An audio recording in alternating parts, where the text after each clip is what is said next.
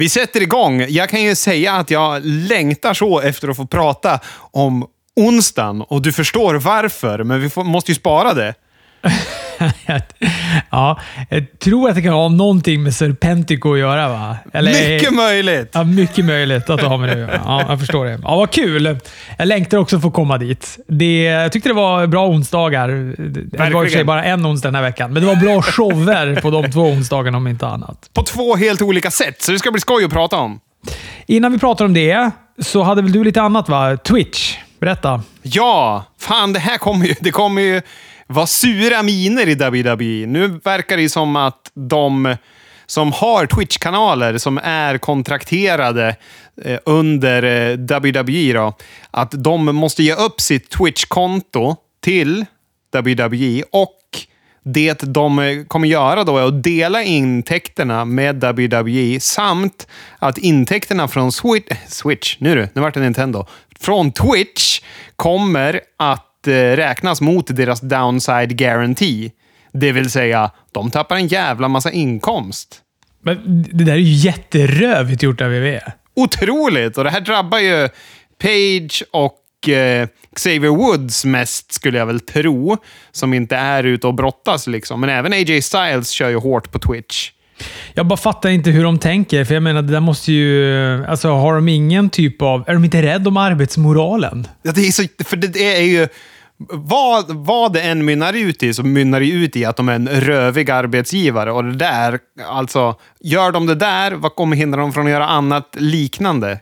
Antar jag liksom blir känslan i the locker room. Sen så hade jag ju en liten, jag såg att vet du, Michael Elgin hade twittrat ut att han ska checka in på rehab. Han har ju tydligen haft ett missbruk sedan 2016 när det kommer till smärtstillande. Då. Eh, och Anledningen till att jag tycker att just det är lite aktuellt är ju för att han fick sparken eh, från Impact under Speaking Out-rörelsen eh, som var tidigare eh, under hösten, våren, sommaren. När var han? Under sommaren. Och vad heter det? Den har ju liksom svalnat på något sätt. Allt skit som alla med all rätta fick där. Men de verkar ju liksom... Nu har man dodgat den kulan, så nu känns det... Jag tyckte att det han skrev kändes lite som att ja, men nu kommer jag ut, nu gör jag det här, nu kommer jag bättra mig. Sen ska jag ta tag i andra personliga problem jag haft som har fått mig att må dåligt. Nu håller han på att paketera om sig för att få göra en comeback på något vis, kändes det som. Att det var en liten ursäkt. Men det kan ju vara cyniska jag som läser in i det också. Men jag, jag förväntar mig på något sätt att vi kommer se mer sådana här saker nu från eh, andra som försvann i den här vevan. Vissa är väl, går väl inte att reparera, reparera tänker jag. Jag såg att eh, Joey Janella hade smackat på någon riktig sån superlåsot mot någon också av de som hade mm, ja, speak out mot honom. Den vägen kan man ju också gå. Det känns som att det är en lite mer... Eh, det är det sämre alternativet. ja, vad heter det? Apropå lawsuits och Joey Janella. Har du hört att Jim Cornette har skickat en season desist till Joey Janella? Nej, förlåt. Sa jag Joey Janella? Jag menar ju Joey Ryan. Givetvis Jaha, menar jag Joey ja, jag Ryan. tyckte jag. Det var därför jag tyckte det var lite konstigt. ja, nej, Joey Janella, han, han känns för förvirrad för att kunna behandla folk dåligt. Han har dessutom ingen legal representation, tror jag. Han har nog inte ens en agent. tror inte heller. Joey Janella, han behandlar bara sig själv väldigt dåligt. Japp. Okej, okay, men vad sa du då? Joey Janella har fått en legal eller en season desist av Jim Cornette? Ja, för att Jim Cornette hatar ju Joey Janella och kallar honom för Joey Nutella. Ja, och, oväntat. nej, och eh, då har ju Joey Janella och Sonny Kiss gett ut tröjor när de heter Midnight Express och hintat om att det ska vara deras nya namn. Och det har ju fått Jim Cornette att gå bananas! Jag kan tänka mig. Kokar gör han nu, Jim Cornette. Kokar. Ja, verkligen. Verkligen. Det tycker jag är lite sant att FTR känns ju lite som att de har tagit någon sorts Jim Cornette-gimmick. Du vet, de håller på att kalla folk så här uh, backyard wrestlers och ja, ni kan ju hoppa runt och era volter och såna här grejer. Jag gillar det. Ja, jag tycker också det. Just för att de är så här, uh, no flips, just fists. Uh, det klär dem att, att vara lite härskna lite på, på folk som gör volter och sånt där. Jajamän. Ja, kul. Du, eh, får jag dra en repa med New Japan Pro Wrestling? Ja, gör det för fan! Jag har sett dag 4, dag 5, dag 6, dag 7. Oj! Vad flitig du har varit! Ja, men eh, då, eh, då kan jag säga då har jag inte hunnit se dag åtta som också har hunnit vara. Så att, eh, ja, jag vet inte. Men jo, jag, som vanligt, jag bara säger det som var det absolut bästa från det här. Ifall det nu är så. Jag vet att ni inte är jättemånga av er som lyssnar som är jätteintresserade av New Japan Pro Wrestling. Men till er som är intresserade, och en del vet jag också har sagt att jag brukar kolla på de grejer du tipsar om. Ja, Fram med kollegieblocket här då, för nu jävlar ska det tipsas. är du sugen på att se på något från dag fyra? Ja, då är det inte helt oväntat Naito mot Zack Sabre Jr. du ska kolla på. Vilken matchjävel det var! Den var så, så bra. Från dag fem, Okada mot Jay White, som Jay White gick och vann. Och Det tyckte jag var jag, ja, jag, jag vurmar ju väldigt mycket för Jay White, så det är kanske inte helt otroligt att jag eh, tycker att det är fantastiskt att han fick vinna den där matchen. Men grejen var så här, Okada gick in i den matchen med en förlust i bagaget. Precis. Precis, det berättade du ju förra veckan. Och då känner man ju lite så här, ah, okej, okay, det kommer väl då förmodligen innebära, ja men du vet, det kändes rätt säkert att han skulle få vinna den här matchen. Det är ju ändå Okada. Exakt. Men eh, nej, Jay White grejade det och det, nej, det var en riktigt, riktigt bra match. Och på dag fem där också, när du väl är inne där och kikar, kolla också då Osprey mot Chingo och eh, Jeff Cobb mot eh, Minoru Suzuki. Det var också väldigt, väldigt bra. På dag sex så var Kenta och Zack Sabre Jr helt fantastisk. Alltså, du vet, Zack Sabre, han, de bryter, de vrider, luften går ur Zack Saber Jr. varenda gång Kenta lyckas kravla sig till repet och lösa upp liksom de här knutarna han har knutit upp Kenta i. Nej, den var riktigt, riktigt bra. Kenta fick vinna också på en, på en go to sleep. Uh, och annars så var uh, Goto mot Tetsuyo Naito var också bra. Den fick Naito vinna. Eh, någonting som du absolut inte behöver kolla, det var Toriane mot Evil. Det var oh. Buskis deluxe. Jag hör ju det direkt. Klassisk Toriano-match det där. Alltså. Nej, fy fan vad dåligt det var. Evil förlorade också, vilket också är så här. Det är ändå... Jaha. Jag vet inte, vad är det? En månad sen så var han interkontinentalt mästare och världsmästare. Jaha. Ja, det är helt sjukt. Men det är spännande bokningar. Det är spännande med det här att det ändå händer sånt. Ja, verkligen. Och eh, ja, men det, vi har ju rabblat det där jävla A-blocket. Alltså varenda gång som det, det dyker upp matchkortet för det. Det gör ju att, jag in, alltså att man inte, inte kan se det den här gången. Det är ju för mycket att titta. Jag har ju slutat sova helt och hållet för att kunna titta på det här. Och ha ett liv och jobba heltid också. Jag är glad att New Japan World var en sån extremt rörig streamingtjänst så att jag inte har den längre. för att det känns ju som att man är inne på något olagligt när man är inne på den. Annars hade jag varit tvungen att se det här också.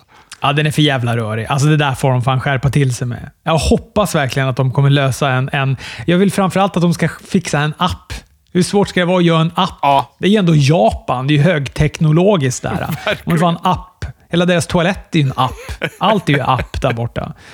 Men en, en, en fungerande wrestling-app, det kan de tydligen inte lösa.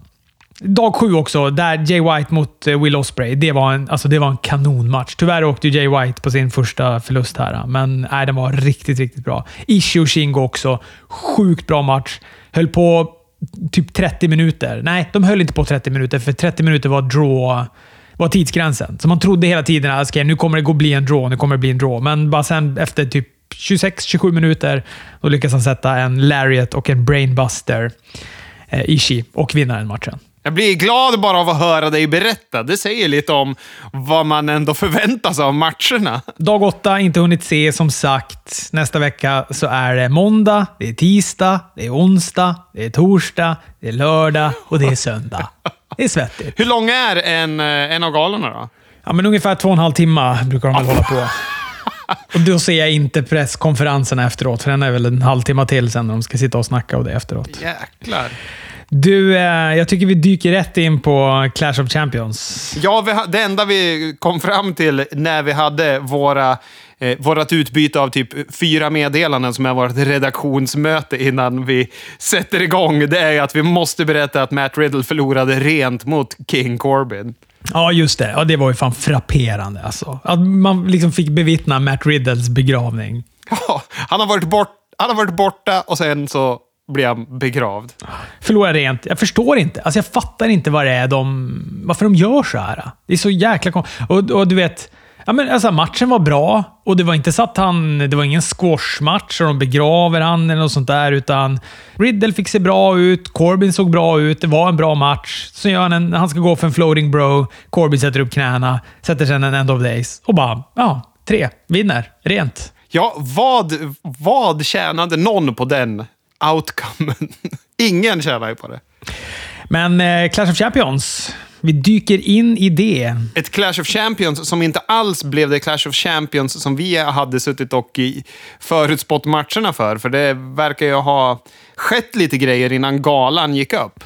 Ja, ja exakt. Gud, fick jag något rätt på den där tippningen överhuvudtaget? Ja, någon grej lyckades man väl spika, men, uh, ja, men det var mycket. Men det är som du sa, det var mycket som kastades om. Det var väl det där coronautbrottet som var, Yes. som var orsaken, även om WWE ville uh, kalla dem för not medically cleared. ja. Vilket i och för sig också är sant.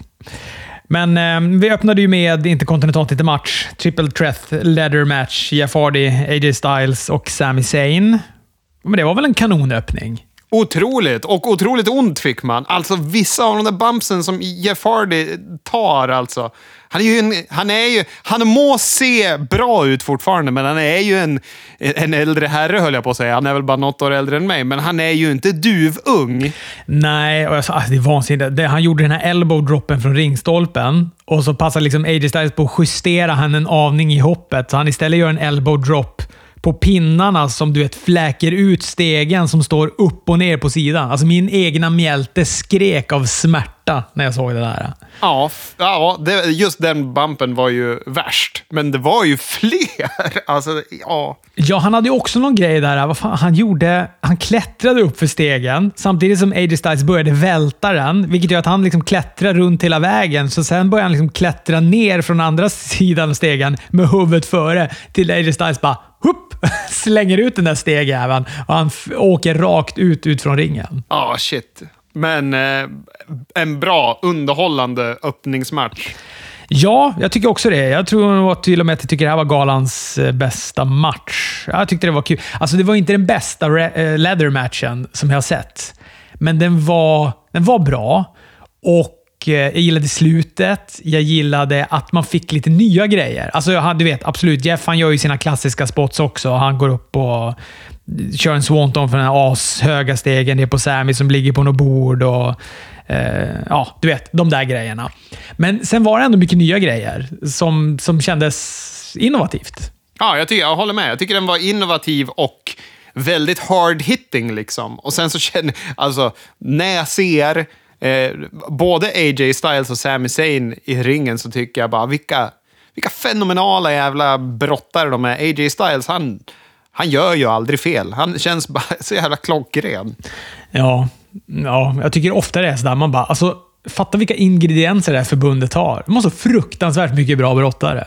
Verkligen. Men sen slog det mig även att, att Gwildor såg väldigt klen ut. Fan, han har tappat mycket muskelmassa, Sami Zayn. Ja, han har nog... Jo, men det känns som att han verkligen haft semester. Han har låtit skägget och håret växa och legat lite på latsidan. Jag är lite orolig att han har suttit typ i krigsläger eller någonting. Han ser ju mer ut som att han har varit statist i någon Rambo 7 eller någonting. Ja. Men de måste sluta äckla sig med Jeff Hardys jävla töjningar i öronen. Det här är andra gången nu. Jag mådde illa flera veckor när han och Randy Orton höll på med det där senast. Här låser liksom Sammy, Sammy låser fast Jeff i stegen med handklovar i töjningarna i örat. Äh, fy fan, det är så vidrigt. Man sitter ju, där sitter man ju så här äh, som när man tittar på någon body horror-film och sitter och vill hålla för ögonen. Det är som en car crash. Men också att det såg lite papphammar ut sen då när han du vet, skulle här, ta sig in i ringen med de där stegen fastkedjad i örat samtidigt. Han fick liksom konka runt på den där jäveln. Men skönt att han fick vinna, Sammy. Det var oväntad vinst tycker jag. Ja, och en härlig, bra, han fick göra det på ett bra healigt vis. Eh, det kändes, kändes bra. Han låste ju fast bägge med handbojor, kan man ju säga. Ja, AJ i, eh, med lite mer konventionella hand i stege med handklovar och då Jeff med öronsnibb i stege. och så lyckas han ta. Men för grejen var, för att, alltså med tanke också på att han vann på Smackdown. De gick ju en match på Smackdown också. Och Då fick ju Sami Zayn vinna och då var jag stensäker på okej, han kommer inte vinna. Och eh, ja, jag vet inte, jag, kände, jag var helt... Jag trodde verkligen att Jafari skulle vinna den här matchen. Ja, det var uppladdat för att det absolut inte skulle vara Sami i alla fall. Om man ska följa liksom, track recorden för hur WWE brukar göra. Att man får vinna innan pay-per-viewet så att man kan förlora på pay-per-viewet. Ja, men bra match. Kul att den kändes fräsch och ny också. Mm, och de fick mycket tid. Det var en lång jävla match alltså. Selina mot... Det var väl också för att de tappade typ tre matcher. Gjorde de inte det? Jo, de tappade... Jo, är det tre matcher de tappade? Tag team-matchen tappar de. De tappade ju också Nikki Cross mot Bailey. Ja, två matcher tappar de. Och så skulle de ju haft då den här uh, Selina Vega mot Aska. Den, den flyttades ju från pre-showen till, uh, till vanliga matchen. Och den var väl... Ja, alltså... Jag ska inte säga att den var jättebra och den var inte superspektakulär, men den var bättre än vad jag trodde den skulle vara. Ja, det kanske den var. Men jag hade jävligt låga förhoppningar. Den här var väl kanske sämst den. Ja, eller jag vet inte. Jag tror att för mig var det så här, alltså jag tycker nästan att Apollo Crews mot Bobby Lashley var sämre. Alltså, och då var det också så här, det var en bra match. Men den kändes som en match som jag hade lika gärna kunnat se på ett Raw. Jo, men så var det nog med bägge de här va. Lite... Ja, men jag måste ge, alltså Selina Vega var bättre än vad jag trodde. Men samtidigt så kändes hon som att hon gick igenom en, en lista av spots hon skulle göra. Medan Aska kändes som att hon var där inne och brottades. Det var så... Ja, jag vet inte. Det, den hade, de hade inte så mycket kemi, de här två damerna. Selina tappade i alla fall ut till ett Aska-lock och eh, Apollo Crews, Bobby Lashley, då, om US-titeln, den vann ju då Bobby Lashley. Inte så oväntat. Eh, Garza och Andrade mot Street Profits om tag team-titlarna. Det här tyckte jag var en jätte, jättebra match, men konstigt slut. Alltså, får det Face Imperial, gör en hot tag till Dawkins som sätter eh, Andrade i en inte alls så särskilt märkvärdig spinebuster. Tar täckning. Domaren räknar till tre. De har lagt på publikljud som också räknar till tre, men det är klart och tydligt att Andrade kickar ut efter två. Men vi har ju Garza som har slitit sönder ACL eller någonting antagligen. Ja, precis. Så att man, man, såg att det var något som hände där, men jag vet inte. Alltså, fan. Är det för mycket begärt att de bara ändå säger typ så här. Du, Dawkins, gör, en, gör din avslutare. Gör en big splash i alla fall och så räknar ni ut. Eller bara typ säger att nu måste vi gå hem. Ja, men de, det är konstigt. Uppenbarligen gör de ju inte det den här gången heller, eftersom Dawkins kickar ut. Nej, och det är samma som vi hade när Ricochet kickar ut från Cedric Alexander bara... Det var förra veckan, va? På Raw. Eller är det lite längre sen? Var det i den här när Viking Raiders var skadad? Ja, precis. Ja, just det. Precis. Det var den när Viking Raiders var skadad. Och så hade vi också Mickey James som gjorde. Ja, just det. Eh, som gjorde eller som inte gav upp. Nej, men den, var, den tycker jag är okej, okay, för då trodde de att hon hade en hjärnskakning. Så där var det ju domaren bara blåste. De behöver han göra det direkt. Men här kändes det som att de behöver ju inte go home på nästa move, utan fan, Garza är ju säker. Han har ju skadat ben, han har inte skadat huvudet. Så att han kommer väl antagligen inte dö där ute. Nej, nej, han har inte satt i halsen. så att de, måste, att de måste ut med honom fort. Nej, och man, ser ju dom, man ser ju att Garza, han, du vet, man ser att det blir onaturligt på benet och han ligger med det rakt upp och sådär. Och så domaren gör ju domar, bår-exet också direkt. Signalerar att nu, nu måste vi in med läkare och sådär. Men, eh, men de hade ju absolut Det är ju en tag match Alltså Det är ju inte så att det var en singelsmatch och det inte gick att fortsätta det här. Utan de hade ju ändå kunnat... Ja, de hade kunnat lösa det på ett snyggare sätt. Jag tror bara att jag blev besviken, för jag tyckte matchen var så bra så länge den varade. Jag håller med. Ja, det här skulle ju kunna ha varit eh, matchen som toppade ladder-matchen. För den var väldigt bra. Vi håller tummarna för Garza också. Det känns, har vi hört vad det är exakt han har gjort? Var det korsband, eller? Nej, det, nej Nej, de har inte gått ut med det tror jag. För är det det, då är han ju borta jättelänge. Och det hoppas man ju verkligen inte. Men korsband, alltså blir... Jag har ju själv då korsbandsskada på CV. Det är nog klart, nu, jag, för sig, jag låg ju också still och var så, men jag kunde ju ändå gick hem och såna grejer sen. Men eh, det, alltså, det jag tänker mig att det är någon sån här Triple H, vad fan var det han slet? En jävla lårmuskel? Ja, men, det är väl, bara... men det är ju en ACL-tear. Det är det de misstänker att det kanske är. Fan vad sjukt det är att Triple H går klart den matchen. alltså vad sjukt det är. Han gör liksom en pedigree på, på kommentatorsbordet var på Kurt Angle, eller jag kommer inte ens ihåg vem det är han går mot. Och så efter går ut också. Och efter ett så är det bara så här, du borde egentligen åkt rullstol ut från den där. Jag undrar hur mycket värre allt blev för att han gjorde det där. Ja, ja han var ju borta länge. Jaha. Det är... Det är väl, vad heter han? Wins gör väl också den där? Han slet ju bägge när han gick in i Royal Rumble 2004 eller vad det var. Han slet bägge, just det. Just det. Ja, fy fan stackarn. Han gör sin liksom kaxiga gång in, så bara ska han rulla in och så bara sätter han sig ner. Då sitter han kvar där. Det ser så otroligt fånigt ut. Som, som ett argt barn sitter och pekar på dem och skriker och är förbannad. Ja, ja för fan. Ja, det är hemskt. Usch, stackarna. Det är en massa buskis med 24-7-titeln och Drew Gulak och R-Truth. Eh, vi får också veta att det på Smackdown 9 oktober ska vara en draft. Jag hade hoppats att de skulle lösa upp den där brandsplitten totalt. Ja, men eh, fördelen med brandsplitten är att fler får tv-tid. Ja, men...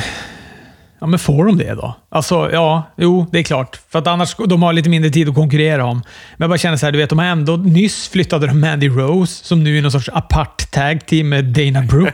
Ja, vi kommer dit sen. Ja. Men det är så mycket som är så här... äh, Det är så onödigt att ha, för vi, vi, vi, det, ni det, jag kan fatta förut att de där brandsplitten, för de gav väl skyhöga tittarsiffror, har jag för mig. Att det har varit, det har varit en sån här grej som de har gjort för att eh, ja, men du vet, boosta upp tittarsiffrorna. Det brukar komma där efter WrestleMania. Men nu har den ju, den är ju helt urvattnad, brandsplitten. Eftersom de ändå springer fram och tillbaka. Ja, men jag tror att vad heter det, det finns ju flera anledningar. En anledning är ju för att de ska kunna tävla mot varann internt. Eh, att eh, liksom tävla showerna emellan. Där hade de ju en väldigt bra rivalitet. Nu är det ju lite svårt kanske när det är Pritchard som styr bägge. Men sen är det ju just det här, om man tänker tillbaka hur det var innan den första brandsplitten. När man fick se Triple H mot eh, Stone Cold varje vecka, både på Raw och både på Smackdown. Så måste du ha en recap på Smackdown, allt som har hänt på Raw. För de som tittar på Smackdown har kanske inte sett Raw. Så man slipper ju allt det där och man får ju faktiskt se Hurt Business, om vi tar dem som något exempel. Eller, jag menar, fan Lucha House Party, de skulle ju aldrig få brottas om vi går bort ifrån brandsplitten. Nej, nej, det är sant. Och sen hade det väl någon sorts house show. Eh, att det fanns något praktiskt kring hur man skulle hantera house shows och sånt där också. Och åka runt med två, eh, med, med två stycken olika brands. Nu finns det i och för sig inga house shows och frågan är väl ifall det någonsin kommer finnas det efter det här igen, men vi får väl se. Bailey kommer in, öppnade dörren för vem som helst att ersätta Nikki Cross i titelmatchen. Det var en snabb rekyl på den dörren, för den stängdes omgående. De bad domaren att resa hennes hand till vinst. Men precis då när domaren ska göra det, då tonar Askas musik upp och vi får ett, eh, även en SummerSlam returmatch. Då. Ja. Eh, ja, bra tempo inledningsvis. Man lever inte särskilt länge i den här matchen innan det blir en diskvalifikation när Bailey då plockar fram en stol. Och efter så dyker Sasha Banks upp i Litas gamla ringgear. Hoppar på Bailey, bygger upp sitt upplägg som de har då mot varandra. Ja, det var i och för sig bra i alla fall att de gjorde det. Och eh, Jag tycker väl att de få minuterna som vi fick Bailey mot Aska var bra. Det hade väl sett ut så här också om hon hade mött Nicky Cross. Alltså i alla fall det här med Sasha Banks. Förutom att Bailey förmodligen hade fått vinna rent. Ja, exakt. Drew McIntyre, Randy Orton i en ambulansmatch om Drews världsmästartitel. Det var en... Eh, ja, det var den ena aparta överraskningen efter den andra på den här pay-per-viewen. Här dyker ju då plötsligt Big Show upp, gör en ganska slarvig chokeslam på Orton genom kommentatorsbordet. Lite senare dyker Christian upp också. Och eh, här börjar man ju då förstå att eh, här kommer ju nu alla som Orton då har pantkickat till nära döden att eh, blanda sig i i den här matchen. Och mycket riktigt, HBK dyker också upp, skickade på en superkick på Orton på ambulanstaket efter att Orton hade slängt Drew genom vindrutan. Orton sätter en RKO, men precis innan han hinner stänga dörren till ambulansen så får Drew in en arm emellan. Tumme i ögat, Claymore kick. Så lägger han Orton i ambulansen, skickar på en puntkick han innan han stänger igen dörren och vinner. Och så ser man Ric Flair tuta och köra iväg med, med schabraket där i. Det här var ju en bra match tills Big Show kom in. Sen gick det bara utför och jag blev mer och mer och mer förbannad. Ja, men först när jag såg Big Show så var jag såhär, äh, men vad fan, ska det bli en fade med Big Show nu och Orton? Nej, det här orkar jag inte med. Men sen då när Christian dök upp, då kom jag ju på att, eh, att Big Show också var ett av offren till Randy Orton. Och, eh, och också då i samband med att Christian dök upp så förstod jag att han inte skulle vinna titeln här. Mm. Men har en World Champ någonsin sett så svag ut som när man bokar Drew McIntyre här? Han håller ju på att förlora fast han får hjälp av fyra pers och spöa upp Randy Orton. Så är det ju en hårsmån från att våran regerande världsmästare bara förlorar. Ja, och jag tycker också att fördelningen känns lite omvänd. Jag menar, om det här nu, förmodligen kommer väl det här nu mynna ut i en match på Hell in a Cell. Och då ska liksom Morton väl köra på det här att nu, här, nu ingen, kan, ingen kan komma in. Det finns ingen möjlighet till interference. Nu är det bara du och jag i en ring. Och, eh, och stålbur runt och vi ska göra upp om vem som är den bästa och vem som tar titeln. Men det känns ju som såhär, ja fast det är ju typ hela good guy-upplägget på Randy Orton. För det är fan Drew McIntyre som har haft fem polare med sig för att vinna matchen innan. Ja, nej, jag störde mig otroligt på det där. Tycker det var lite synd också, men eh, samtidigt så förstår jag det. Men de hade ju två stora bumps, men bägge de var ju med crash pads ur bild liksom. Ja, ja, vi får se. Blir det Hell in match det där så tror jag att Orton vinner den där. Ja, han kommer fan ta titeln och vad heter det? Jag tror att det kommer vara en väldigt bra match. För jag tycker som sagt den här var väldigt bra när det bara var dem. Innan det blev någon jävla Vince Russo helvetesbokning. Den här är jag arg på, den här matchen. Ja, jo, men det blev ett antiklimax. Men slutet var bra tycker jag. Jey Uso mot Roman Reigns som universaltiteln. Han såg gigantisk ut utan tröja, Roman Reigns. Oh ja, fan vad kung det är att han kör utan chest protector och får vara cool bara. Ja, Men sätt aldrig på karn en tröja eller en väst igen. Så där ska han ju se ut. Han ser stenhård ut. Ja. Och som jag sa, han mosade Jay. Alltså han mosade Jay. Han, han var, alltså, mosade som att han var verkligen heel. Det var ju ingen squash och sådär. Jay hade sina stunder, absolut. Men det blev mer och mer övertag till Roman Reigns, som till slut då bara helt dominerade den här matchen. Och bara Jay vägrade ge sig. Slutade med att Jimmy Oso haltade in med en vit handduk, Kastar in den för att stoppa matchen. Jättebra tycker jag det här var. Det var ju liksom eh, brottningsmässigt, nej, absolut inte bäst på galan. Men han, alltså Roman som heel, han är ju mer heel än vad de flesta har varit de senaste 20 åren känns det som. Han healar ju till och med på Paul Heyman. När Paul står utanför och försöker säga “Men du är min hövding! Åh, du är min hövding!” Bara, Jag skiter fullständigt i vad du säger. Min hövding. Just det. Var också en märklig mening.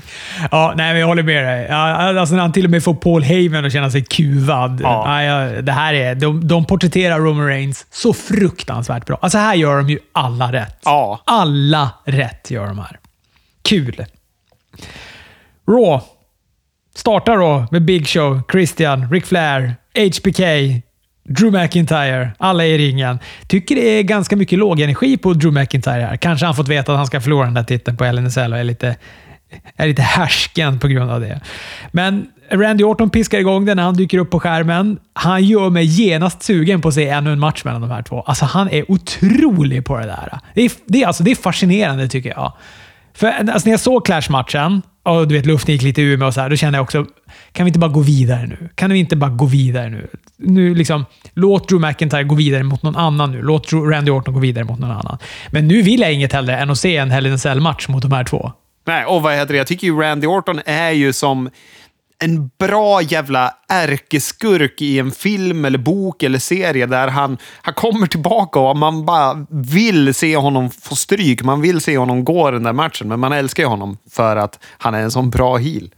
Drew passar också på att öppna dörren för en titelmatch som main event. Vem som helst där bak har chansen. Aska mot Selina gick returmatch mot varandra. Tycker väl att den här kanske också var helt okej, eh, även om den förra ändå var lite bättre. Men eh, jag antar att du hatade den. Nej, men jag ställer mig frågan varför de alltid gör så här. Vi får en match på pay-per-viewet och sen får vi samma match dagen efter. Speciellt när hon förlorade också, och förlorade rent. Ja. Att, eh, ja, jag fattar inte heller. Keith fick vinna över Andrade. Det var 24-7 buskis. Det gav oss i och för sig en triple threat mellan Truth, Tosawa och Gulak som jag såg fram emot, men det visade ju sig vara Förgäves, för den var inte bra. Nej, det var den inte. Vi får Mysterio i terapisoffa hos Jerry Lawler. ja, jag tycker det här är så bra. Alia hon får förklara vad som utspelade sig förra veckan då när Murphy närmade eh, sig henne. Vi måste ju backa här också, för att vi har ju även haft att Buddy Murphy har suttit som en hängig gothare backstage och smsat med någon och lagt ifrån sig mobilen. Och då lurar Seth Rollins iväg honom att ta på sig en kostym, för han har lite för slaskiga kläder på sig. Och då snor han mobilen som Buddy Murphy, som en idiot, lämnar kvar på någon jävla roadie-låda där backstage. Ja, just det. Ja, men det är sant. Det är en viktig detalj, för den är utspelad, eller den är en viktig detalj i hela den här fortsättningen. Då. Ja, men, eh, han har fått den här telefonen och eh, då visar det sig att det finns ett intresse från Alia, 19 år gammal, av Murphy, 32 år gammal. Jag- Jag ska väl inte vara fördomsfull, men det är ju ganska stereotypiskt och smått surrealistiskt, får jag ändå säga. Alltså jag menar, det hade varit mer spännande om Dominic, 23 år gammal, var sugen på Mickey James, 41 år gammal. Ja, absolut. Men har du tänkt även på att alltid när de pratar om Alia så säger de “She's 19 years old”. De trycker ju verkligen hem den punkten. Ja, och det, menar, det är det som gör att det blir ännu lite mer o... Alltså jag kan inte säga att det är otäckt. Det är väl, det är väl jävligt. Men så här, när jag var 19 år gammal, då tyckte jag att folk som var 23 var svingamla. Familjen blir ju givetvis bestört av att se Alias sms till Murphy då, som Seth Rollins glatt visar upp på storbildsskärmen. Backstage så flyger Dominic på Murphy, vilket då sen då resulterar i en match. Men först så får vi eh, Mandys debut på Raw ihop med Dana Brooke. Går en rätt ospännande match mot Lana och Natalia. Den är otajt som satan och Lana ser ut som att hon ska dö när hon landar rätt på nacken. Ja, ja, ja. Men det var ju Lana som var otajt. De andra tre var ju egentligen inte det. Men hon höll verkligen på att dö. Varför brottades Lana 95% av den här matchen när de ändå har Ja. Natalia som ändå kan brottas? Ja, jättekonstigt. Mandy och Dana vinner och de är då någon sorts tag team nu ihop. Då, som ska, för de ska gå efter titlarna, sa de. Och de, vad heter det, är det direkt efter man får en intervju med dem, eller kommer det lite senare? Ja, jag vet inte. Men det, ja, vi säger att det är direkt efter. Ja, för det är ju så konstig intervju när de står och pratar om det där och sen så är det som att bägge spanar in Dominic. Här har du ju lite din Mickey James-angle ändå. Ja, just det. Ja, i och för sig. För de liksom tittar mot honom och nickar liksom och bara, vad är det här? Alistair Black, Kevin Owens. Åh, här var, blev jag så förbannad så jag var tvungen att skicka till dig när jag såg det. det. Inte för matchen, för den var bra, men de har ju gett Alistair Black något idiotdåligt intro. Ja. Ja, du brukar vara ganska duktig på att, att dämpa dina impulser. Eh, jag är ju lite mer tvärtom och skickar alltid grejer till dig. och Bara, Fan, det här var bedrövligt, det här var bedrövligt. Så säger du, vi tar det där när vi pratar sen istället. Men inte ens här kunde Chris Dybeck lägga band på sig när Alistair Black har fått en ny låt. jävel. Nej, men jag håller med. Den var värdelös den här låten. Han har ju en bra låt redan. Ja, men och det var inte bara låten, det var ju själva att han, han bara kommer och går som någon jävla pirat i lacklångbyxor. Han ska ju ha småbyxor, nitjacka, komma upp på sin jävla... Från graven med kandelabrar och grejer. Ah, fy fan. Ja, nej, det där har de verkligen... Alltså allt, allt som var Alistair Black innan hade de kunnat ha kvar, fast bara göra han heel. Ingen hade ifrågasatt det. Det hade varit helt perfekt om det hade varit så. Men han gjorde en fenomenal promo, tycker jag, innan matchen. Jättebra promo. Fenomenal promo, bra match. Den fick ta, den fick ta tid också, vilket jag tyckte var bra. Owens gick för en swanton, men Black fick upp knäna i ryggslutet på Owens. Skickade ett knä i plytet. Tre pinfallsförsök. Owens kickar ut gång på gång på gång. Och sen var det det vanliga. Ja, sen var det en diskvalifikation. för, för Alistair Black, han blir tydligen lite för ivrig när han slår på Kevin Owens. Han då råkar knuffa till domaren som då direkt diskvalific- diskvalificerar honom. Nej, det var fan bedrövligt. Ja. Jättebra match, bra promo, bedrövligt slut, bedrövlig intro. Ja. Så att, ja, jag vet inte. Men det var kul i och för sig att Alistair Black skrek till domaren “I hate you”.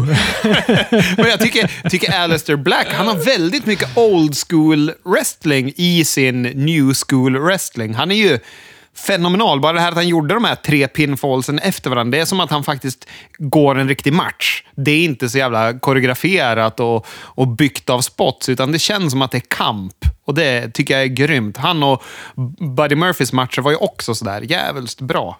Kevin Owens och Aleister Black funkade väldigt bra ihop också i den här matchen. Ja, ja, det var synd att han hatar domaren och domaren hatar honom. Eh, Murphy mot Dominic. Också en jättebra match. Dominic, jag säger det igen. Alltså, jag, eh, jag vet att jag säger det varenda gång, men han imponerar ju för fan varenda gång. Ungjäveln. Han gör ju det. Han känns så sjukt naturlig. Han är, han är helt grön. Han så sjukt... Alltså detaljerna när han säljer. Han, han, man märker ju att han måste ha kollat på wrestling ända sedan han var liten och bara varit så här beslutsam att det är det här jag ska göra. Alltså fatta, när han får ha hållit på i tio år, då är han fortfarande ung. Ja, ja, jag håller ju med. Jättebra match. Jag tycker ju att, att Murphy det känns jättebra att han får ta en sån pass stor plats, tycker jag, på Raw. För att han är bra. Jag tycker dock att han var lite mumlig i promosarna med sin australiensiska dialekt. Ja, han var lite mumlig. Det var han verkligen. Ja, men det var bra. I matchen sen så åker då ringmattan upp lite på långsidan och en kendostick tittar fram. Dominik kan få något svart i blicken, plockar upp den. Alia kommer springandes till ringen, ber Dominik att då inte slå på Murphy med den här. Och i den här ordväxlingen mellan de två så passar Murphy på att rulla upp Dominik och, och vinna matchen. Och efter så blir det tjafs syskonen emellan. Jag gör, det här för familj, jag gör det här för familjen, säger Dominik. Du fattar inte. Du är naiv. Och då har vi ju blivit varse om att eh, är det något som Alia inte är så sugen på att bli kallad, så är det att bli naiv. Eller så är det att bli kallad för att hon är naiv. För här vecklar hon ut handflatan och så klipper hon till Dominik. Lämnar ringen med bestämda steg. Ja, det är bra. Jag tycker den här angeln faktiskt är jätteunderhållande och bra. Älskar den här familjefejden. Ja. Älskar den. Och jag gillar också heel-tendenserna i Dominik det här svarta han fick i blicken och där han höll på att skrika på Alia där också. Han kommer bli... Seth kommer ju förmodligen att eh, locka han till the dark side. Åh, hoppas... Ja, det här, det här kommer vara... Kan det vara, vad heter det, Q4s fade? nu pratar jag i en jävla business-termer. Kan det vara vinterns fade? Ja, ja nej, men det kan det nog vara. Jag är sjukt spänd på den här. Jag tror det kan bli jättebra. Hurt Business skulle möta Apollo, Ricochet och Ali. Se där, då har de hittat Ali igen. Men lamporna de börjar blinka. Retribution-loggan dyker upp. Men så händer ingenting mer, utan de går till reklam och sen så fortsätter den här matchen. Som om ingenting. Ja, nej, och här borde vi pausa, för det är ingen mer retribution på hela Raw. nej, det är det här vi får. Det är som att de bara vill påminna oss om att det fortfarande finns kvar. Det är så konstigt. Men du, ända sedan du tipsade mig om eh, T-bars Norra Brunn-Twitter så har de liksom hamnat i helt andra dagar hos mig. Ja. Otroligt roligt alltså. Ja, det rekommenderar alla att kolla in T-bar på Twitter. Han, eh, han eh, har svar på tal på ett roligt sätt. Ja, men matchen fortsätter då efter reklamen som om ingenting. Det är en ganska bra match tycker jag. Ali, Ali sätter en eh, Satellite DDT på MVP, får 50 splash och vinner matchen. Ja, kul. Jag tycker det var roligt att Ali fick vinna. Han har sin karriär tillbaka.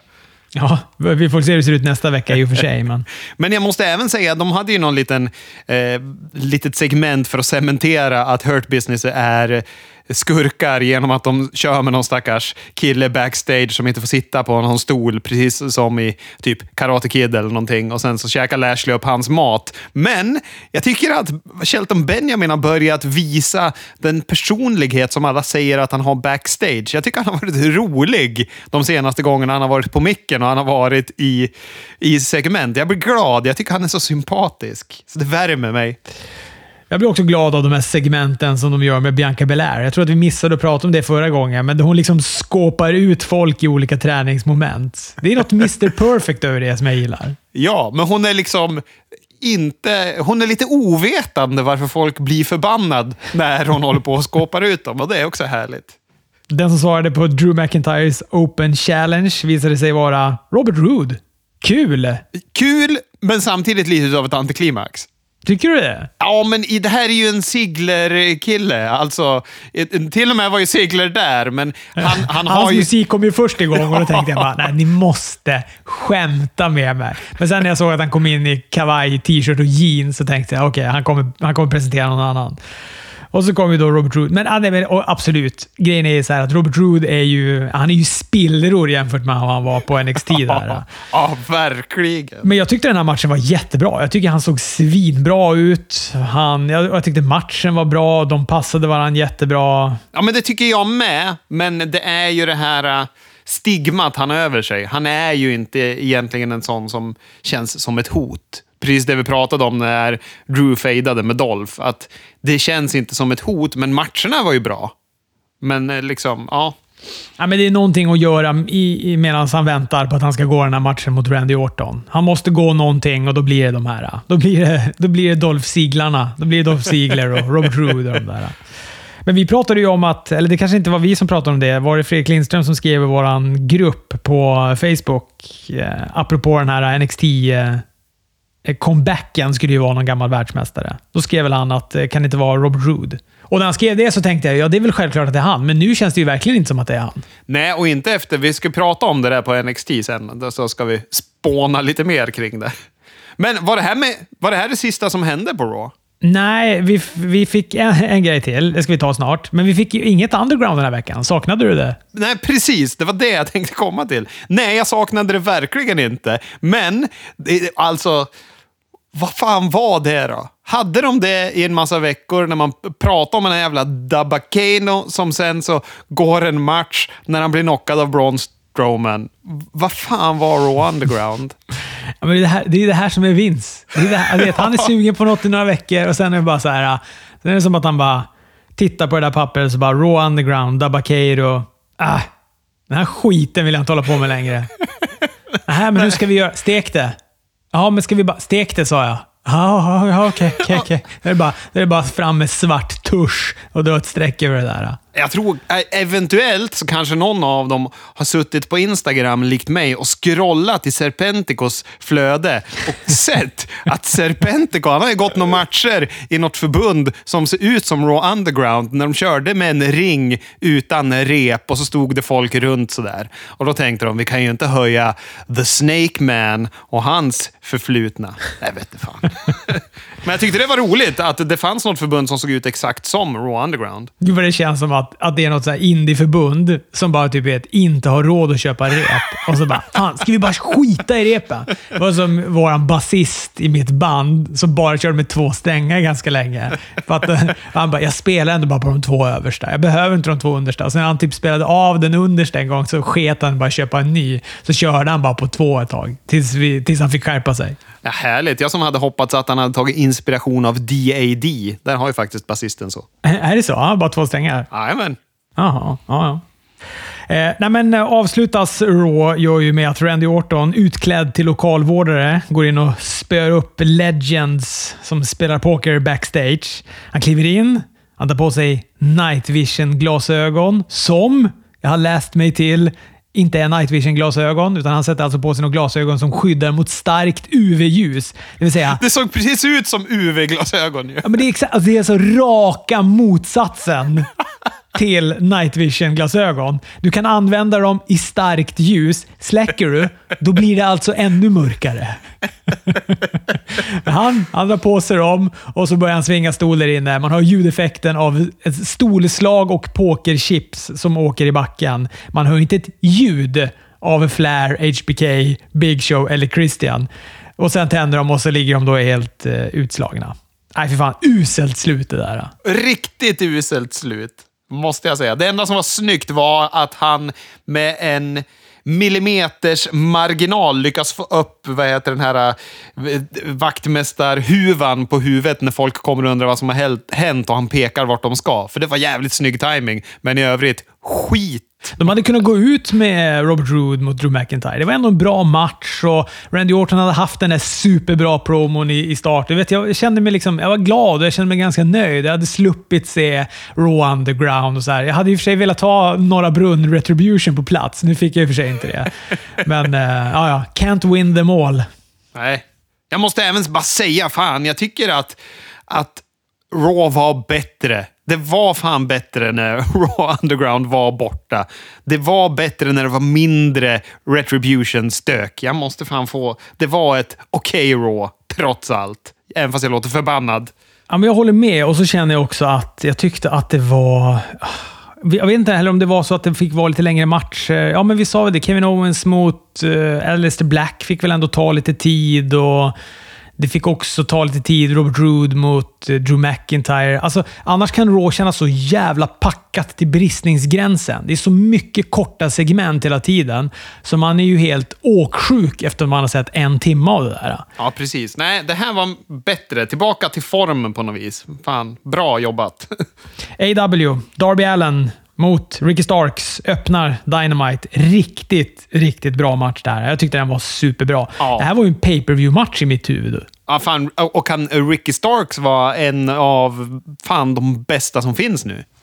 alltså, sjukt när han gör den där spear. Alltså, han, han spear han gör på Darby Allen i luften. Han gick väl för någon springboard cutter eller något sånt där, så, så kommer han, kommer Ricky Starks som ett jävla tåg blev han påkörd, Darby Allen, med den där spearen. Nej, det var riktigt bra. Och Darby Allen, ah, han är så spänstig. Alla sina grejer han gör. Han, det, är så, det är så spänst i dem. Den här standarden när han du vet, klättrar ett halvt varv runt över någon och gör den där standarden och hans Canadian Destroyer. Spänstiga. Jättebra öppning var det här. Jag tycker att de hade jättebra kemi. Jag tycker Ricky Starks fan lyfte ju Darby Allen till nya höjder med hur han sålde och hur de byggde den här matchen. Det var svinbra tycker jag. Och Darby vinner efter en coffin drop på ryggslutet på Starks. Oh. Oh. Vi får Cody i ringen. Han accepterar Brody Lees utmaning om en dog collar match. Han kommer ju blöda som ett jävla slakteri, Cody, i den här matchen. Han gillar att blöda, Cody. Och här, det här är en match där han kommer få blöda. Oh ja. Jag tyckte det här segmentet var bra. Jag gillade det. Det blev riktigt stökigt också där när de alla drabbade samman och det kom in domare och brottare för att hålla isär dem och sådär. Nej, bra, bra brawl. Och ett bra brawl. Ja, jättebra. Jättebra. Jag tycker att vad heter, Brody Lee känns farlig i det här segmentet också. Och vad heter det? Äh, Riktigt bra. Och jag tycker Codys promo var kanske inte en av hans bästa, men den är fortfarande jävligt bra. Men den får vi också nästa vecka. Det är ju, det är ju också en sån match som känns som en pay per view match det där, tycker jag. Ja, verkligen. Men de har ju så långt mellan sina pay per views så man har ju den fördelen att AEW kastar ju såna här bra jävla matcher på en bara på en onsdag ibland. Är det också nästa vecka som det är Chris Jericos eh, 30-årsjubileum? Jajamän. Det kommer ju vara fantastiskt, tror jag. Bara det är i och för sig en pay-per-view. Ja. Vi får FTR. Kan inte riktigt artikulera ordentligt idag. Jag ber om ursäkt för det. Vi får FTR mot SCU, titelmatch, tag team-titlarna. Föregicks ju av en intervju med Tony Schiavone och FTR där Schiavone åker på en sån redig superkick av Young Bucks. och det var ju det var så underbart segment, tycker jag. Did we interrupt something here? Nej, otroligt roligt var det. Ja. Ja, de är bra. Hangman Page i kommentatorsbordet också. Det här var en jätte, jättebra match. Gillade den. Scorpio Sky. Ah, Ah, han är så bra. Eh, han gör flera nearfalls. Han har momentum. Ska gå för en klassisk suplex på Cash. Där Tully suger tag i vristen på honom utanför ringen, vilket gör att Cash kan rotera i plexen och hamna då över Sky för pinfall. Och inte nog med det, så passar Tully också på att hålla kvar i vristgreppet där, så att Sky inte heller kan kicka ur. 1, 2, 3, vinst. Vilken bra trio det här är, FTR och Tully.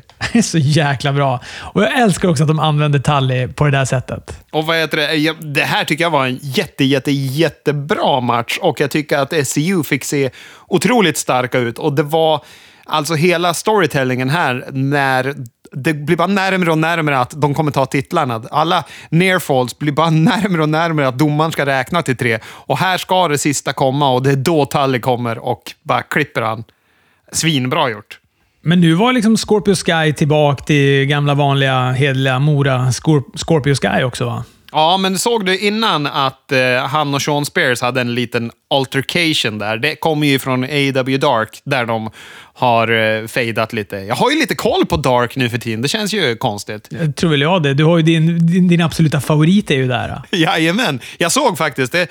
De är ju obesegrad. Vad heter det? Chaos Project, som de heter va? Luther och eh, Serpentico. Mm. Jo, de är obesegrade. Jag har inte sett det, men jag har läst mig till att de är det. Ja, nej, jag såg det och vart chockad. Bara, va? Pushar de de här två? De fick även ha promo och grejer på Dark. Jag är ja. överlycklig. Ja, men du vet, det är väl som med NXT UK. Varför ser man inte skiten? Det är ju jättebra grejer säkert på Dark. Det är det. Det är ju... Och det är ju det här roliga när man får se sådana som de tror på eh, i framtiden. Det är här de pushar dem. Det är här till exempel Scorpio Sky får ha en winning streak. Och han vet man ju kommer... När de hittar rätt storyline för honom, då kommer han bara explodera. Men hur ska jag hinna? Alltså nästa vecka så är det alltså måndag, tisdag, onsdag, torsdag, lördag, söndag med bara New Japan. Och sen ska jag på med Dynamite, NXT, Raw, Smackdown, Takeover. Men så här, du kommer ju alltid kunna välja Japan för Dark med gott samvete. Ja, men fan, alltså Peter Avalon, det är ändå... Ja, där hade ju fan, Brandon Cutler hade ju en, en arg promo mot Peter Avalon på senaste Dark. Ja. ja, jag får kolla. Kan inte någon starta en podd där ni bara pratar om NXT UK och Dark, så jag kan lyssna på den och på så sätt hålla mig ajour? Excalibur passar också på att annonsera en turnering där vinnaren ska få en titelmatch. Åtta brottare handlar det om totalt. Han presenterar de första tre. Jungle Boy, Ray Phoenix och Kenny Omega. Och av det sistnämnda namnet får Hangman Page att sätta visken i halsen. I gotta go, säger han och så går han därifrån. Så jävla bra det där också. Och jag hoppas ju så att Kenny Omega ska vinna den här turneringsjäveln. Men jag tänkte precis säga, jag vågar vi inte satsa julklappspengarna på att, han, att uh, Hangman Page kommer kosta Omega-matchen? Jo, men det kommer väl det. Men jag vill egentligen att Kenny Omega ska vinna, ska ta titeln och sen få gå matcher mot Hangman. Det är det jag önskar. Det vill jag ha i julklapp, så kan du få lägga dina jävla julklappspengar på vad du vill. ja, men där är vi överens. Jag vill också ha... Alltså, Kenny Omega han måste bli nästa världsmästare. Han måste bli världsmästare nu. Ja, ja, ja. ja. Vi får Chris Jericho mot uh, Isaiah Cassidy från Private Party. Matt Hardy med in till ringen med en stol. Åk hem Matt Hardy. Ja, åk, åk hem och vila. Ska jag behöva bli arg? Och jag är till och med så här att när han kommer in, ja, men han kanske vänder nu när han har klivit ut i tunneln i alla fall. Så att han bara är med. Men nej, han ska strutta in till ringside. Ja, men alltså han kan... Han kan jag vill bara att han åker hem och vilar. Ja. fortfarande, han har inte varit hemma och vilat någonting sen han hoppade från en stege med huvudet före rätt ner i betongen. Så varje gång jag ser honom så blir jag du vet, som, ett, som en förälder som bara vill säga åt sitt barn. Varför lyssnar du inte på mig? Åk hem! Åk hem och vila! Vad är det du inte förstår? Ja. Men du, den här AW-regelboken som du hade lusläst. Ja. Står det nog där om att en vandrande påse mjöl till brottare Luther får lägga sig i matcher utan repressalier? Det här är ju... Det, det, finns mycket att säga om den här matchen. Vad heter det? Jag tycker att eh, Chris Jericho är, och det kommer komma många liknelser till Hulk Hogan nu. Det är fint att jag säger Hulk också, för det säger jag till min son när jag pratar om Hulk Hogan. Han har för övrigt lärt sig att göra Hulk Hogans leg drop på mig till hans mors förtret. Men... ja, till hans ryggkotor förtret också sen han kommer bli några år äldre. Ja, han gör den i soffan än så länge. Men vad heter det? Här gör ju Jericho han har ju gjort det med många av de unga i AEW som Hulk Hogan borde ha gjort. Han går på viktigaste tiden, det är alltid vid timmesstrecket vi får Jericho-segmenten. Och han går matcher där han inte får in någonting förrän han får in sin Judas-effekt och vinner. Han säljer något jävligt, han låter dem se bra ut eh, och, och, bara är bjussig. Men sen så är han ju Hulk Hogan på det sättet att han har sin egen Brutus Beefcake i Luther som han ger sig på mitt under matchen. Så att Luther ger sig på Jericho och sen så ger sig Serpentico på Jake Hager och får göra det toe to toe med honom så han börjar blöda på näsan. Ja, och jag är helt för det. Att man hjälper sina polare lite grann. Eh, alltså det är inte det, men jag bara mer att vet, han knuffar till Luther, han som Jericho, varav Luther då svarar med en jävla lariat som är stenhård, så Jericho bara flyger över det här kravallstängslet. Och Aubrey Edwards, hon bara står. Hon står i ringen, tittar, hon ser det här. Det är, liksom, det är ingenting att någon eh, Alltså, det är så raka motsatsen till WWE. Ja. Det är raka motsatsen. I WWE blir du diskad om du ger domaren onda ögat. Här är det liksom svårt att bli diskad. Ja.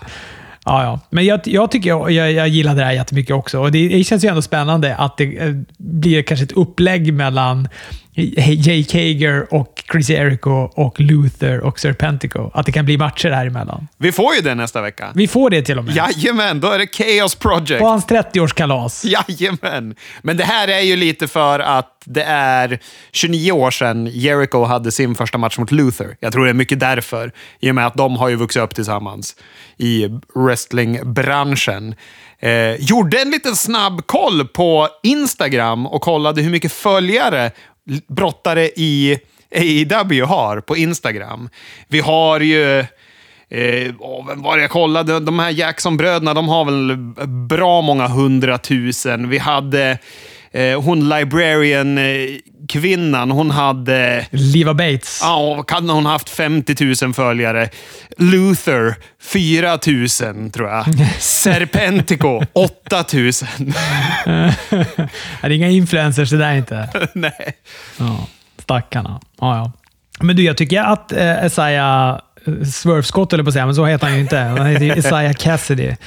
Jag tycker ändå att han eh, hängde med bra i den här matchen. Absolut, och jag tycker ju Jericho var jättebjussig. Jag tror, tycker dock att de här två har inte världens bästa kemi. Tycker att Isaiah Cassidy är stiff av misstag många gånger mot Jericho. Han gjorde ju någon...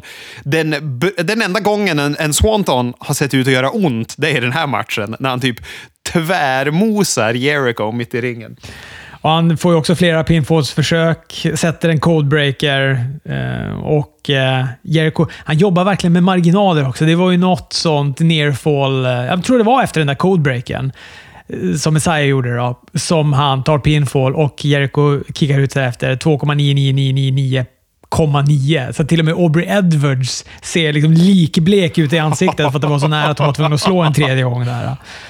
Uh, ja, men jag, jag, tyckte det var, jag tyckte det var bra. Sen lyckas han hoppas rätt in, hoppa rätt in i en Judas-effekt, Isaiah, så Jericho vinner den matchen. Som ser, såg bra ut. Jag tycker att Jericho har byggt sin Judas-effekt väldigt bra nu. Ja, men det har han gjort. Förut så kändes den ju så jäkla apart och, och, och, och oavslutig, men nu kan man ändå börja räkna med den. Verkligen. Och sen så även så måste jag säga att det är generöst av Jericho att uh, han själv missar ju en Lion Salt. Uh, Isaiah Cassidy får sätta en och sen sätter han en codebreaker efter det. Jericho brukar ju vara den som snor finishers och signature moves. Och här vänder de på det. Jag tycker det är jävligt snyggt. En bra match på många sätt det här. Sen fladdrar en av jordens mest oskärmigaste människor förbi i ett segment med Miro och Kip Saban. Billy Donkey Kong Mitchell. Visste du vem det här var? För här, alltså att jag trodde att du inte skulle veta vem Billy Mitchell var. Ja, men jag har ju sett eh, dokumentären King of Kong. Ja, just det. Och eh, det, där, det, är en ocharmig jävel det där. Alltså. Usch för ja, den där människan. Ja. En ärkeröv. Ja, det är en ärkeröv. Alltså, till alla som inte har sett den, se den bara. Se den bara. Och så gör det innan nästa gång som ni ska kolla på AW där han kommer dyka upp så kommer ni också du vet, vilja kasta er på stänga av-knappen. Nej, fy fan. Han är så vidrig. Det är han och den här snubben, vad heter han? Han som köpte upp hiv-medicin och, och höjde priset med 5000 procent eller 500 procent. Han som också köpte den enda ja. exemplaret av Wu-Tang-skivan Once upon a time in Shaolin. Martin, Skr Martin Skrelly eller något sånt där tror jag han heter. Ja, han heter något sådär. Ja. Det är likt Marty Skirl i alla fall, för jag vill alltid säga det namnet. Martin Skrelly. Han ligger också hög, högt upp på den där “det är en jävla typ”-listan. Men vad tyckte du om det här segmentet? Du som inte har liksom eh, sett storheten med Miro, säger du. Nej, jag, jag går inte ner i spagat av det. Nej, och, och det var ju inte ett uh, superduper-segment, men jag tycker ju att han har den här härliga charmen som han har, som är lite underfundig på ett jävligt bra sätt. Det är någonting också, det var precis innan han gjorde sin AW-debut så såg jag något segment, det var någon som hade delat det någonstans, där han bara sitter och önskar livet ur Dave Meltzer. För att Dave Meltzer har sagt någonting Eh, och kanske om Lana eller något sånt där. Ja, det var om, om Lana och hennes så här, reklamdeal med energidryck var det. Ja, precis. Och han bara, och, så blev det bara så här, fast du är ändå en vuxen människa. Jag vet inte, det är bara någonting när folk beter sig som jävla idioter som stör mig så fruktansvärt mycket. Ja, det håller jag med om. Jag lyssnade på Wrestling Observer. Jag vet ju exakt vad han sa om Lana. Och det var inte så att det var något farligt. Utan det var att typ Lana har gjort en energidrycksreklam. Förmodligen var det kanske den som fick Vince att se rött och började dra i det där. Men sen har väl det varit... jag får mig att det var... Att jag läste att den där grejen hade de egentligen tänkt långt innan, men sen kom pandemin och då tonade, då liksom lugnade de sig med det och var så här, okej, okay, men vi tar tag i det där senare, för nu har vi andra problem att göra först. Men apropå Miro och vad heter det, hela den biten. En liten passus är ju hans gamla radarpartner Aiden English. Han är, vad heter det, är ju inte alls glad över hur wrestlingbranschen har hanterat honom. Han har ju inte fått några erbjudanden om jobb sedan han fick kicken och är väldigt bitter över det, läste jag på hans sociala medier. Ja, det kan man ju vara. Men eh, det är väl, är väl inte, det är väl inte wrestlingbranschens fel. Nej, och vad heter det? Men det måste vara surt för honom, för nu är hans eh, flickvän, det är ju Eddie Guerreros dotter. Hon är ju där på AEW och Miro är där. Och eh, det är tyst som mur, muren. Kan man vara tyst som en mur? Det kan man nog. Till den här mannen då. Ja, ja. Livet är tufft, men skit i det. Orange Cassidy vann över Dark Order nummer 10. Vi fick ett eh, otroligt roligt segment mellan MJF och eh, Jericho Inner Circle. MJF han kom in med presenter och de har någon sorts passivt aggressiv utväxling av komplimanger. Jericho och MJF. Jag, det var, jag skrattade högt flera gånger åt det här. Framförallt när Jericho också ropar till Wardlow “Prata inte så mycket nästa gång”. japp, japp. Tycker det här var ett jättebra segment. Jätte, jättebra. Väldigt bra. Britt Baker vann över Red Velvet, låste upp henne i en lockjaw efteråt och torterade på. Tyckte hon såg bra ut. Hennes första riktiga match efter skadan. Tyckte hon såg riktigt jävla bra ut. Jag var, tyckte bara, fan det här, nu känns det bra. Nu vill jag se henne mot Chida. Fan. Eddie Kingston har släpat in den här stackars domaren som slog av hans match mot Moxley förra veckan. Lucha Bros är med. Det är hotfull stämning. Han tvingar domaren att förklara varför han gjorde som han gjorde. In kommer Moxley och då passar också Eddie, Gu Eddie Guerrero.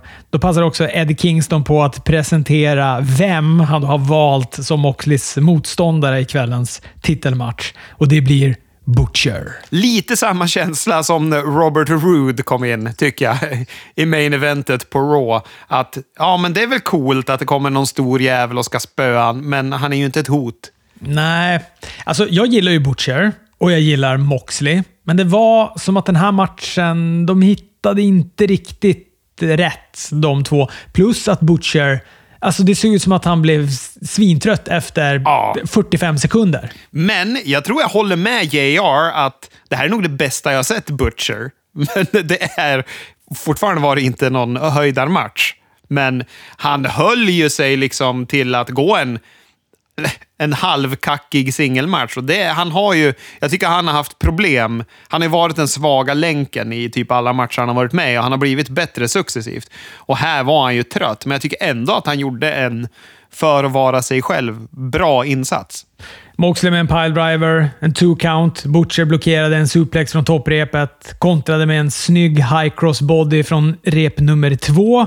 Moxley duckade en lariat, satte en paradigm shift, följde upp med en bulldog, bulldog choke och eh, Butcher tappade ut. Han började göra det där eh, strypgreppet. Ja, han gillar den. Ja, han gör det. Men vad heter det? Måste, måste även säga att han, Bryce Remsburg, domaren, han gjorde ju ganska bra promo i den här matchen. ja. Jag tyckte det var ett bra Dynamite där. Jag tyckte det kändes tight. Det var bandat i och för sig, kanske därför det blir den där tajta känslan. Men eh, jag gillade innehållet. Ja, det var bra. Ja, jag tyckte det var ett, eh, ett väldigt bra Dynamite. NXT öppnar med Dakota Kai mot Shotzi Blackheart. Tycker jag också var en jätte, jättebra match. Bra startmatch. Men det här med att halva matchen skulle utspela sig på ringkanten eh, är väl lite sådär. Och Blackheart också, hon tar en, ens jag vet inte om det är en suplex eller vad det är egentligen hon tar, men hon tar ju den där, hon tar ett grepp på ringkanten rätt på nacken. Alltså rätt på nacken. Det är alltså ett under att hon överlevde det där. Och det sjuka... Gör hon inte en slice bread där va? Det är väl egentligen hon som ska vara den som gör anfallet, men hon landar ju på huvudet själv. Okej, okay, är det det hon ska göra? Okej, okay, hon ska göra en slice bread över och så kom, slår hon inte runt så att hon bara tar den rätt på... på Okej, okay, det är så det är. Ja, ja. Ja. Men det sjuka är ju också att hon verkar helt oberörd, för hon är typ snabbt upp på benen, redo att köra igång igen. Tills typ domaren går fram till henne och säger så här. Eh, du höll på att dö nyss och det såg helt bisarrt ut. Sälj för böven. För då bara dyker ja. hon ner och så ligger hon helt ja. utslagen igen. Ja, nej, det såg läskigt ut. Jag spolade tillbaka flera gånger och tittade på det. Bara, vad var det som hände? Rhea Ripley lägger sig i efter att Gonzales har varit och slitit i Blackheart utanför ringen. Dakota försöker springa in en heluva kick, men Shotzi duckar, rullar upp henne, tar pinfall till tre. och vinner. Vi får en split screen promo mellan Santos Escobar och Asaya Swerve Scott. Ja, jag är sugen på den matchen. Jag, jag tycker båda gjorde en väldigt bra eh, insats här. Jag varit eh, överraskad av Swerve. Tyckte han var väldigt trovärdig och, och intensiv. Verbal. Ja, det var han också. Motsatsen till Joe Biden var han. The Garganos blir intervjuade backstage. Cancerfonden Lee Ray har jag skrivit här. Det ska väl vara Candice Lee Ray jag egentligen menar. Hon bär då skulden för Tiganox avslitna korsband, vilket gives, givetvis då är en efterhandskonstruktion. Men jag känner för Tiganox alltså. Fy fan. Ja. Hon hade väl... Hon har, har inte hon slitit av något knä förut? Ja, det här är tredje gången. Exakt samma skada. just det. Samma Ja, korsband. Fy fan. Och, jag säger det igen, som, eh, som, som rehabiliterande korsbandsskadad offer så vet jag vad som väntar. Nej, för fasen. Det där är inte, är det är inte kul. Jag menar, ett korsband... Eller ja, hon, ja, hon ska väl operera och grejer. Hon kommer ju vara borta i nio, nio månader, ett år. kommer ju vara svårt för WWE att våga satsa på henne också, om hon är så skadebenägen. Tydligen så hade hon ju också slitit av det, tror jag, utan att... Alltså hon hade inte ens slitit av det i någon match. Jag tror att de pratade om att hon hade slitit av det under ett bara träningspass. Och Då låter det ju också som att antingen att det inte har läkt ordentligt på ett korrekt sätt det förra, eller att hon har verkligen slitit det under tiden som hon har kommit tillbaka och så nu bara poppar det igen. Då. Ja, ah, fy fan. Tråkigt, tråkigt. Det finns ju en stor risk att hon inte ens kommer tillbaka också. Ja. Cameron Grimes höll en invi invitational. Han, han började med att bjuda in någon stackare som åkte på en sån jävla cave-in direkt han kom in. Och när han då presenterar motståndare nummer två så kommer istället Ridge Holland in, som eh, tar den matchen då, men han blir diskad ganska snabbt för att han stampade för länge på Grimes. Eller, han höll väl i repen samtidigt som han gjorde det och domaren räknade till fem, så det var det han, han diskades för. Kushida och Tony Nese gick en match. En kort historia där Kushida fortsätter att visa sin riviga sida. Han vinner på en hoverboard lock och eh, ja, men han ser vicious ut, Kushida. Ja, och det är det han kallar sig själv. Han hade en ganska bra promo innan, tycker jag. Mm, verkligen. Och efter så blir lamporna lila. Dream dyker upp, peggar upp för deras match på Takeover på söndag. Det kan nog ändå bli bra den matchen. Det tror jag. Men jag har svårt att släppa... eh, Fan, jag tycker att Velveteen Dream verkar vara en idiot privat. Likt du känner med Rusev så hatar jag Velveteen Dream lite. Men jag tror också det kommer vara en bra match. Adam Cole klipper en promo i ringen. Han adresserar att folk tycker att Undisputed Era har förändrats på senaste tiden. Han poängterar att inget har förändrats. Ropar ut Austin Theory, som, ja, vi sa ju inte det, men han var lite kaxig mot Undisputed Era i en intervju tidigare under kvällen. Det blir match mellan de två som jag trodde skulle vara en ren slaktmatch, men även här, Theory får ju hänga på rätt länge i den här matchen. Ja, och vad heter det? Ett tag tänkte jag, jaha, ska, ska han få förlora nu då? Så ska de göra någonting av det. Det var nästan på den nivån liksom med hur Adam... Äh, hur, hur... Fan. Theory, vad heter han? Austin Theory. Austin Theory hängde med. Han vart Adam Theory här nu för mig. Men hur, hur mycket Austin Theory hängde med? Alltså, det, det var en bra match. Alltså en, en, en fight. Ja, jag, jag tyckte den här matchen var jättebra. Och grejen är med Austin Theory, jag tror jag sa det förra gången också, att han är ju en bra brottare. Det är bara att han känns lite tråkig och trött och sådär. Och det är ju något, vi höll ju på att spekulera där förra gången och jag fick lite hjälp av eh, Sebastian Recension Svensson. Att det är någon stökig pedofilanklagelse som dök upp under Speak Out Jaha, mot honom. Så det var därför tror jag han försvann. Det är någon 13-årig tjej som har delat en inte så smickrande upplevelse med Austin Theory. Men eh, de verkar ju liksom göra nytt försök med att bygga honom. Och jag, jag vet ju inte vad de har haft för... De säger väl att de har haft utredningar och sånt där med alla de här. Så att, eh, ja. Ja, precis.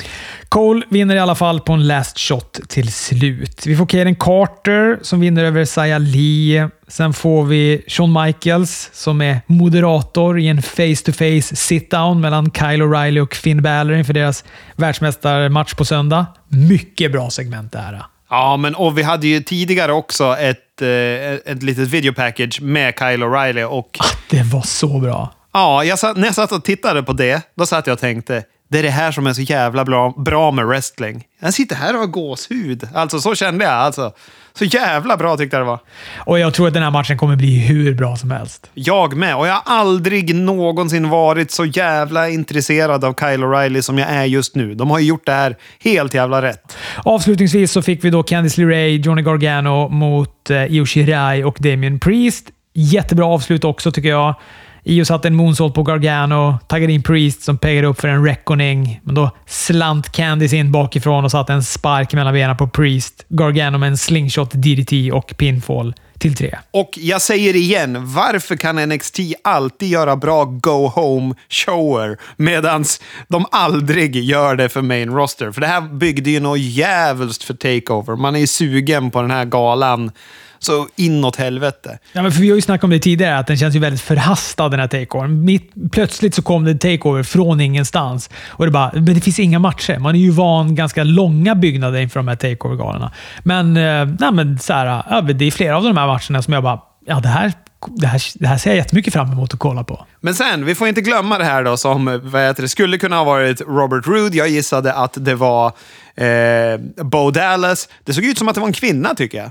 Ja, jag reagerade också på det och sen tänkte jag så här, är det en efterhandskonstruktion? Hade de tänkt ha Robert Roode? Och så bara, men vänta.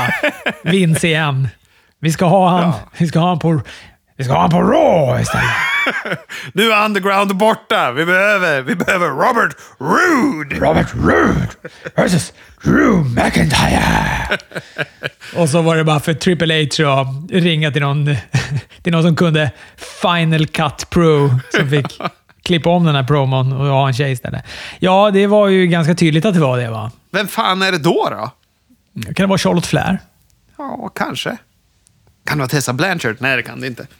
Nej, för hon har väl inte varit någon mästare där tidigare. För visst är det en mäst någon som har varit en mästare där tidigare? Det säger de. Ja, ja, det, ja visst säger de det. Men det, kan, det är inte så många. Det där bältet har de inte haft så länge där. Nej, så att eh, de kommer lista ut det i vår Facebook, på vår Facebook-sida. Jag vill göra en snabb googling här. NXT Women's Champions. Okej, okay, här har vi namnen då. Page var den första. Charlotte, Sasha Banks, Bailey, Aska, Amber, Amber Moon. Hmm. Skulle det kunna ja, vara Amber Moon kanske? Det skulle det kunna. För sen är det Shayna Baszler, Kairi Sane, Shayna Baszler, Rhea Ripley, Charlotte Flair, Io Shirai. Då är det ju Charlotte eller Amber Moon. Men det känns ju som att Charlotte vill de ha på main rosten. Jag har så svårt att tro att de kommer sätta henne på NXT alltså. Ja, jag håller med. Extremt svårt att tro det. Men eh, Amber Moon, för jag vet att hon hon typ slet ju också sönder, jag vet inte om det var korsbandet eller, hon, eller var hälsenan tror jag det var. Hon slet ju sönder hälsenan i ett segment där hon skulle springa efter 24-7-titeln. Nej, vad ovärt. Okej, okay, så Amber Moon förmodligen där då. Eller så kan det ju vara någon swerve och så är det något helt annat. Det kanske är en snubbe nästa gång. Det kanske är så det ska vara. Det kanske är så de vill spela oss ett spratt som inte annat. Men du, eh, take over på söndag. Den här podden kommer se ut på söndag, så ni har bara några timmar på er att lyssna på den innan. Annars så sitter ni med facit och vi låter väl som idioter när vi sitter här och gissar.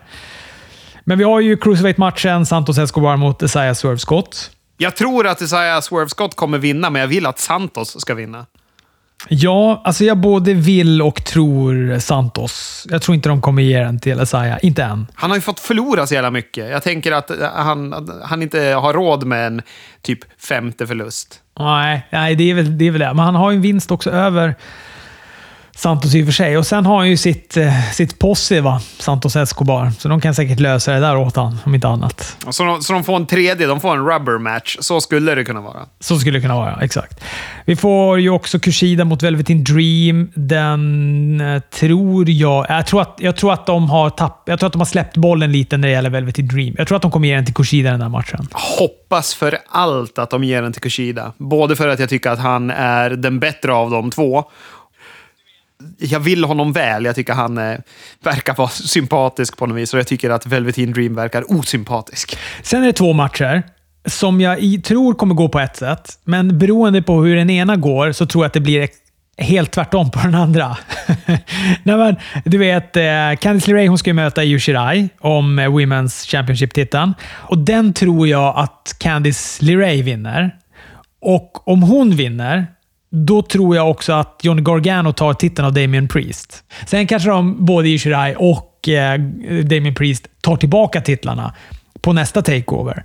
Men det är någonting med... De har byggt dem där så jäkla mycket nu också och de är verkligen ett power couple.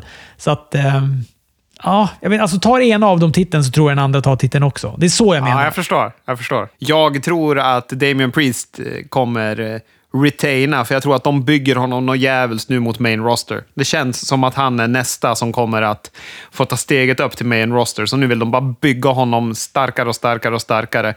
Eh, jag kan dock tänka mig att Io kan förlora titeln. Men eh, det känns ju som att det är Shotzi som är på väg upp och ska ha nästa fade mot den som är champ. Så det kanske är rimligt att Io tappar den då. Ja, till Candice LeRae och så sen kanske Io draftas. Det känns också som att hon är egentligen redo för main rosten. Ja, det har hon varit länge, känns det som. Och jag tänker egentligen att Damien Priest, skulle inte han också kunna vara Finn Balors nästa motstånd? Skulle inte han kunna bli draftad? Han kanske förlorar titeln och blir draftad. Ja, det ska han också kunna bli. De är ju hög på honom, så in i helvete. Så det, det, är klart det kommer gå bra för den karln. Och Finn Balor mot Kyle O'Reilly. Ja, men där får nog Finn Balor vinna den matchen. Men det ska bli intressant att se vad de kommer göra med Kyle O'Reilly, Adam Cole, Undisputed Era-grejen. Där känns det ju lite spännande.